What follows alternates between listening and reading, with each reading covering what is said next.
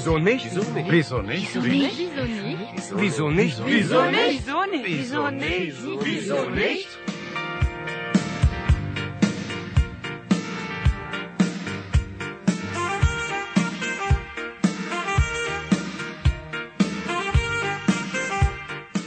Goethe-Institut Jakarta didukung Deutsche Welle dan Internationals mempersembahkan program pelajaran bahasa Jerman Wieso nicht?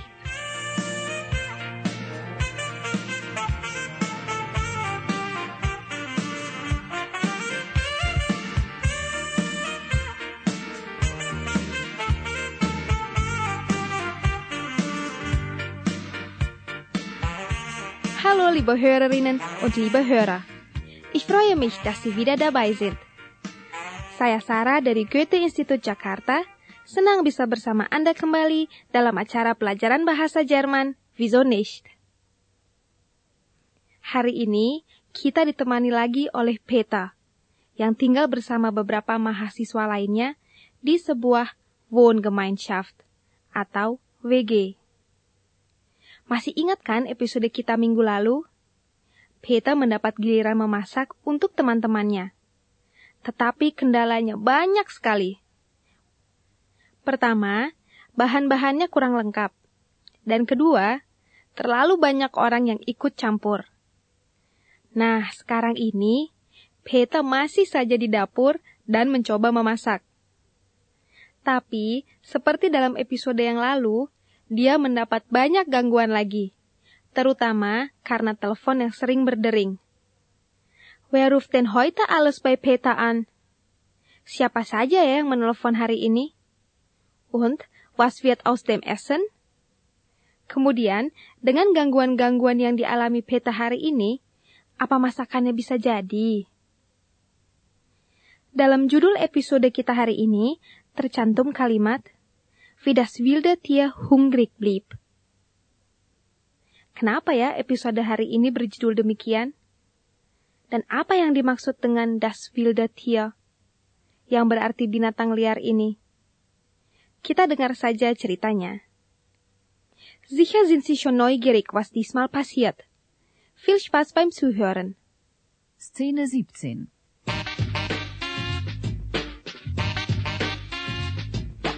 Telefon in der Küche.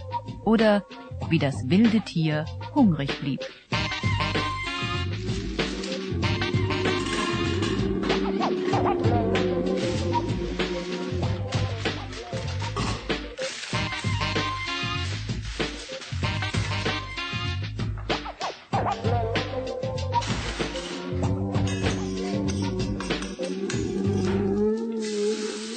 Wenn der Magen vor Hunger knurrt, wird das Kochen mühsam. Kochen braucht eben Geduld. Vor allem Kochen für eine WG. Nudeln, Reis, Kartoffeln, Tomatensoße und ein Kuchen im Ofen. Ich sag's ja, Kochen braucht Konzentration. Aber mit dem Telefon in der Küche, vergiss es. Ja, Peter, wer ist da? Hallo Peter, ich bin's, Anna. Sag mal, ist Lukas zufällig bei euch? Hör zu, Anna, ich, ich habe keine Ahnung, ob Lukas da ist. Ich koche gerade. Ich weiß nicht, wer alles da Du ist. kochst? Was gibt's denn? Kartoffeln, Reis, Nudeln. Was? Kartoffeln und Reis und Nudeln? Naja, und dann gibt's eine Tomatensauce mit Zwiebeln. Mit Zwiebeln. Ja, klar. Hast du da ein gutes Rezept? Also, pass auf, ich schneide Zwiebeln. Die kommen in die Pfanne, ins heiße Öl. Hm? Dann die Tomaten dazugeben, Tomaten. mitkochen. Frisch oder aus der Dose? Oh, was war denn das? Mein Magen knurrt, ich habe einen Ah, Mordshunger. dann lass ich dich wohl besser weiterkochen. Also dann tschüss. Ja, tschüss, Anna.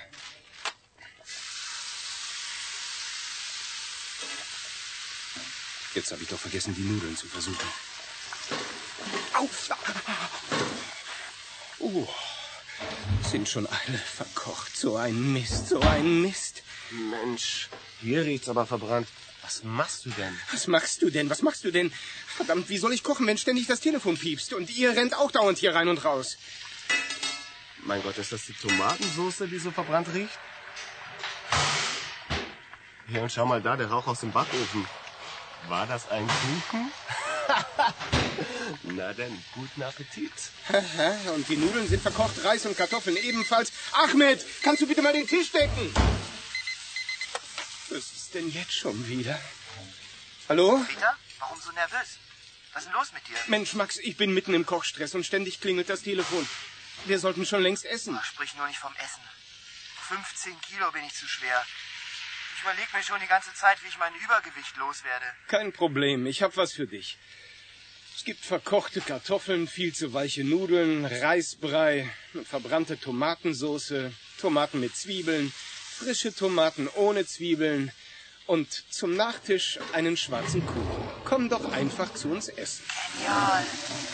Ich komme.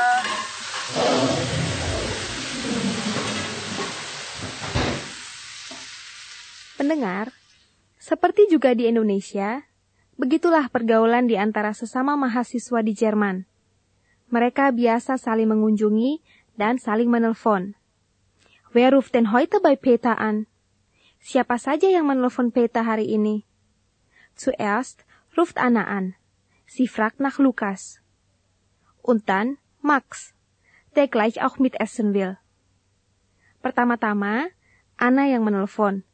Dia mencari Lukas, yang sebenarnya tidak tinggal di sana. Kemudian Max, yang akhirnya datang untuk ikut makan. Karena Peta harus selalu meladeni telepon yang berdering, akhirnya masakannya gagal semua. Ada yang hangus dan ada yang kelembekan. Kasihan si Peter yang sudah capek-capek masak. Di samping itu, perutnya sendiri sudah keroncongan loh. Anda ingat kan episode kita yang lalu? Ahmed, salah satu penghuni VG mengira ada harimau di dapur. Yang ternyata karena perut Peter bunyi terus. Das wilde Tier bleibt hungrig. Peters Magen knurrt immer noch. Maksudnya, Peter masih saja kelaparan. Sementara itu, masakan yang dimasak Peter seperti nasi dan mie sudah kematangan, dan kuenya hampir hangus. Max, temannya yang tadi menelpon, sedang ingin menurunkan berat badan. Peter pikir, undang Max saja untuk makan. Ternyata, Max dengan senangnya berkomentar, Wah, ini malah cocok untuk saya. Itu memang suatu cara untuk mengurangi makan ya.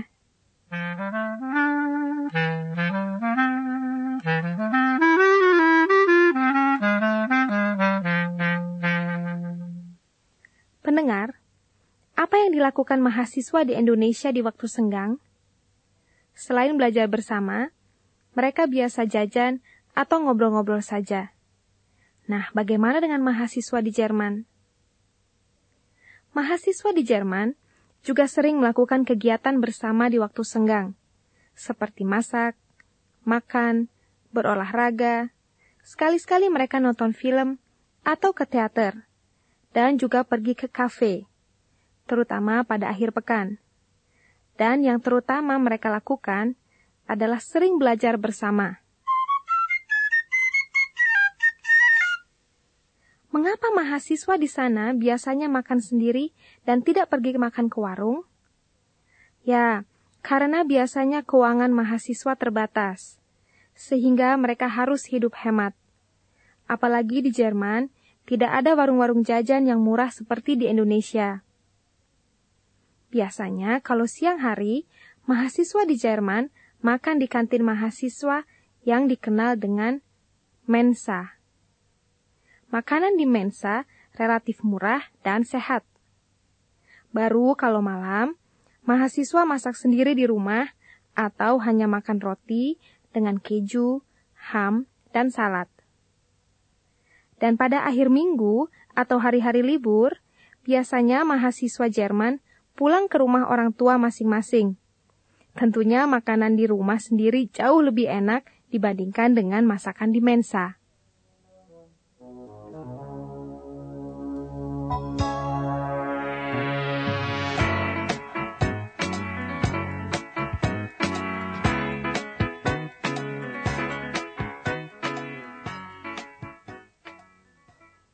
Nah, pendengar, hari ini kita banyak mendengar tentang pergaulan dan kehidupan mahasiswa di Jerman.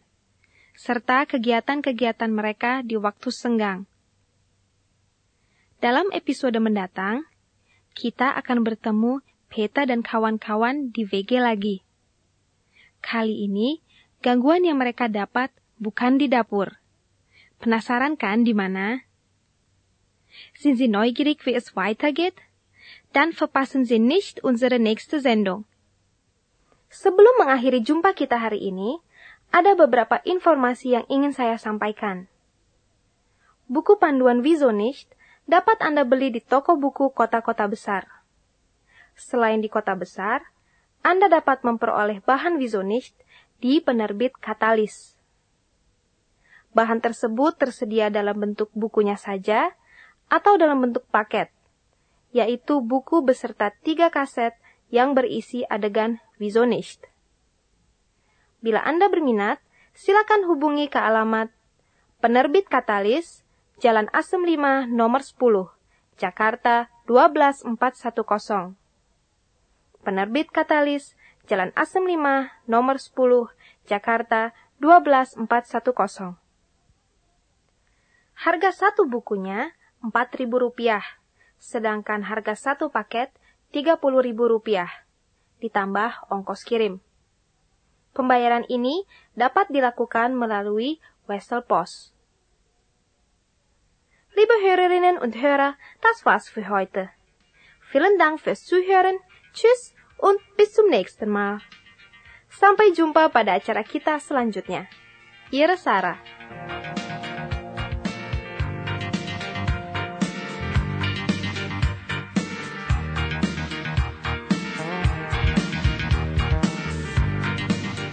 Demikianlah acara kita nicht?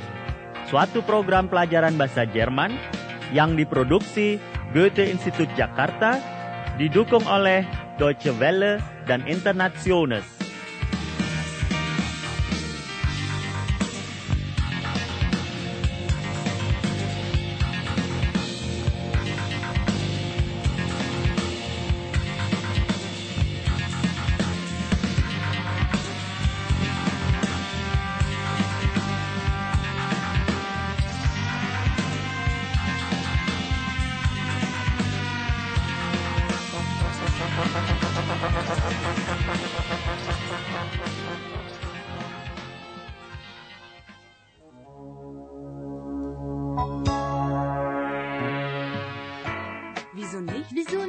Nicht?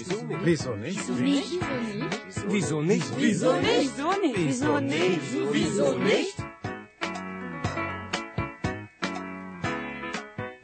Pendengar, sekarang kita ulas beberapa hal yang muncul dalam episode tadi.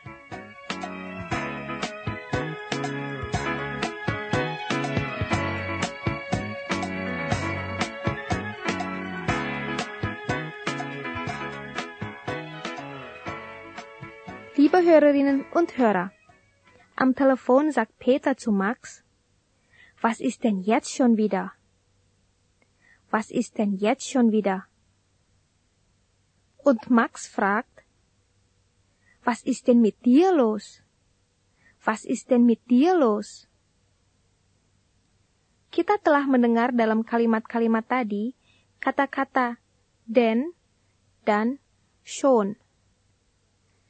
Anda tentu sudah mengenal den sebagai kata penghubung dalam arti karena dan kata schon dalam arti sudah. Tetapi dalam kalimat tadi, fungsi dan arti kata den dan kata schon berbeda. Fungsinya di sini adalah untuk melancarkan dan meluaskan percakapan, sehingga ungkapan tersebut kesannya ramah, tidak kaku, dan lebih komunikatif. Contohnya, was ist denn mit dir los? Was ist denn mit dir los? Kesan dari ungkapan ini, si penanya betul-betul ingin tahu apa yang terjadi, dan yang ditanya merasa dipedulikan dan akan memberi jawaban. Bandingkan dengan kalimat ini, tanpa kata den. Was ist mit dir los? Was ist mit dir los? Kalimat ini kesannya kaku dan agak acuh, sehingga yang ditanya belum tentu mau memberikan jawaban. Was ist denn jetzt schon wieder? Hallo? Peter, warum so nervös? Was ist denn los mit dir? Mensch, Max, ich bin mitten im Kochstress und ständig klingelt das Telefon. Contoh-contoh lain. Komm doch einfach zu uns essen. Komm doch einfach zu uns essen. Ayo, makanlah ke tempat kami. Beda sekali dengan Komm zu uns essen. Komm zu uns essen. Yuk, makan ke tempat kami. Kesan kalimat terakhir ini seolah-olah ajakannya basa-basi. Komm doch einfach zu uns essen. Genial. Ich komme. Contoh lain. Kannst du schon mal den Tisch decken? Kannst du schon mal den Tisch decken? Tolong siapkan meja untuk makan. Kalimat ini mengandung satu perintah, tapi halus. Beda dengan Kannst du den Tisch decken? Kannst du Tisch decken? Siapkan meja untuk makan.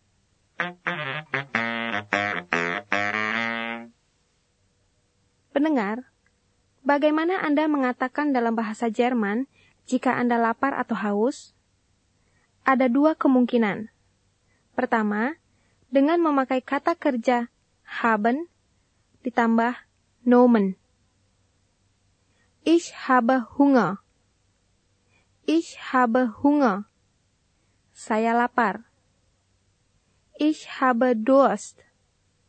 Ich habe Durst. Saya haus. Kedua, Anda bisa memakai kata kerja sein ditambah kata sifat. Ich bin hungrig. Ich bin hungrig. Saya lapar.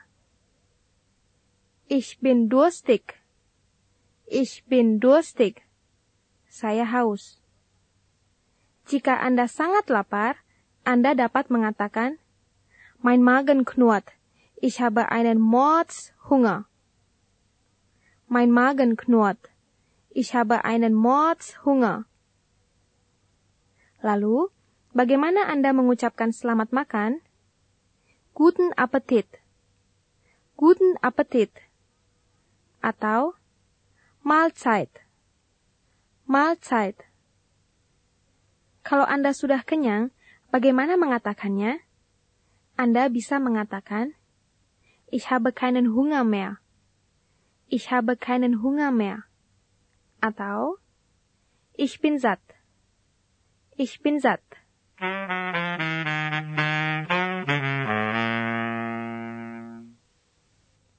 Pendengar, di WG Peter, telepon ada di dapur. Selain itu, perabotan apa saja yang ada di dapur? Zum Beispiel, der Kühlschrank, die Kühlschränke. Der Kühlschrank, die Kühlschränke. Lemari es. Der Ofen, die Öfen. Der Ofen, die Öfen. Kompor. Der Backofen, die Backöfen. Der Backofen, die Backöfen. Tempat manggang. Der Küchenschrank, die Küchenschränke. Der Küchenschrank, die Küchenschränke. Lemari dapur. Der Abfalleimer, die Abfalleimer. Der Abfalleimer, die Abfalleimer. Tempat sampah. Der Küchentisch, die Küchentische.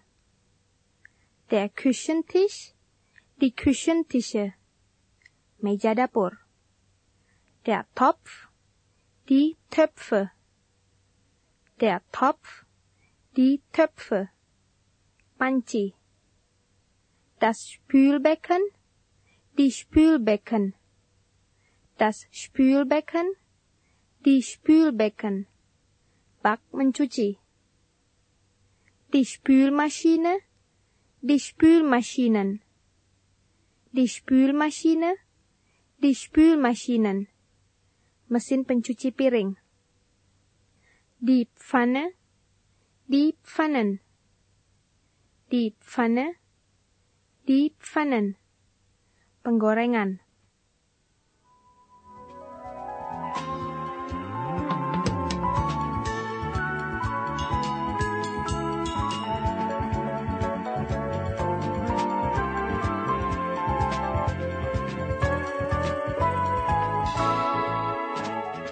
Sampai di sini dulu ulasan kita hari ini.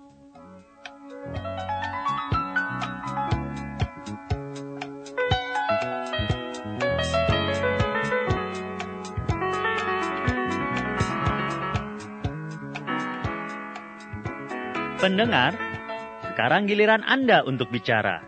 Setiap kalimat yang Anda dengar, Anda diberi waktu untuk mengulanginya. Jetzt sind Sie dran. Bitte sprechen Sie nach.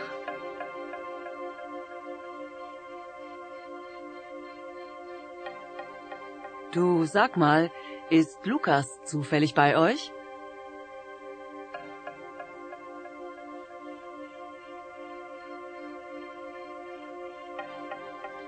Hör zu, ich habe keine Ahnung, ob Lukas da ist.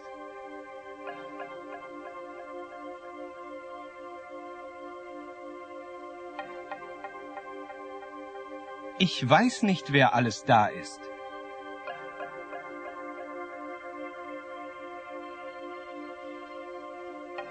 Ich weiß nur eines, ich bin mitten im Kochstress.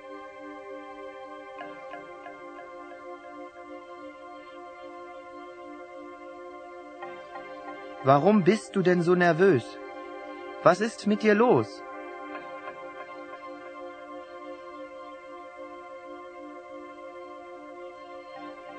Ich koche, verstehst du? Und ständig klingelt das Telefon.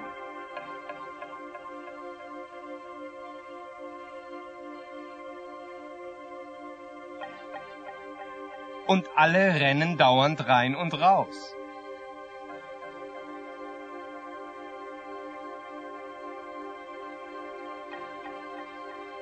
Und außerdem habe ich einen Mordshunger.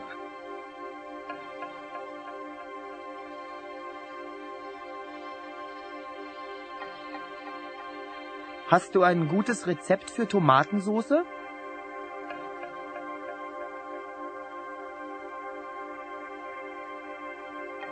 Aber sicher, ist ja ganz einfach. Zuerst schneide ich Zwiebeln.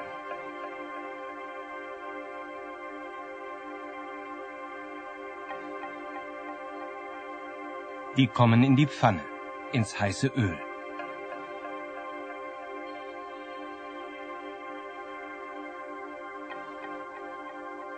Dann die Tomaten dazugeben und mitkochen.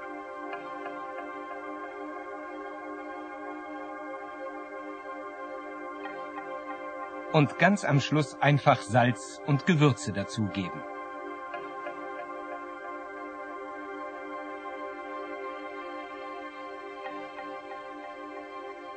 Mein Gott, jetzt habe ich die Nudeln vergessen.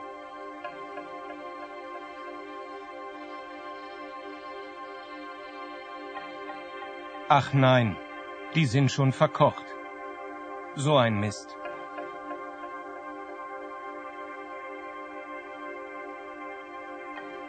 Und die Tomatensoße? Auch zu spät. Schon verbrannt.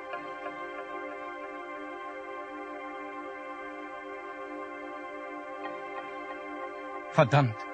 Und da kommt ja Rauch aus dem Backofen.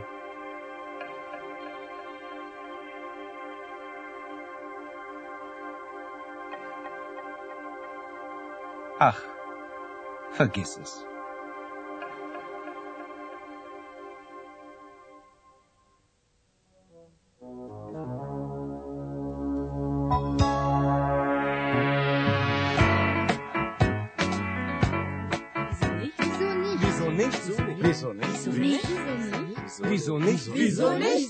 Visonê. Visonê.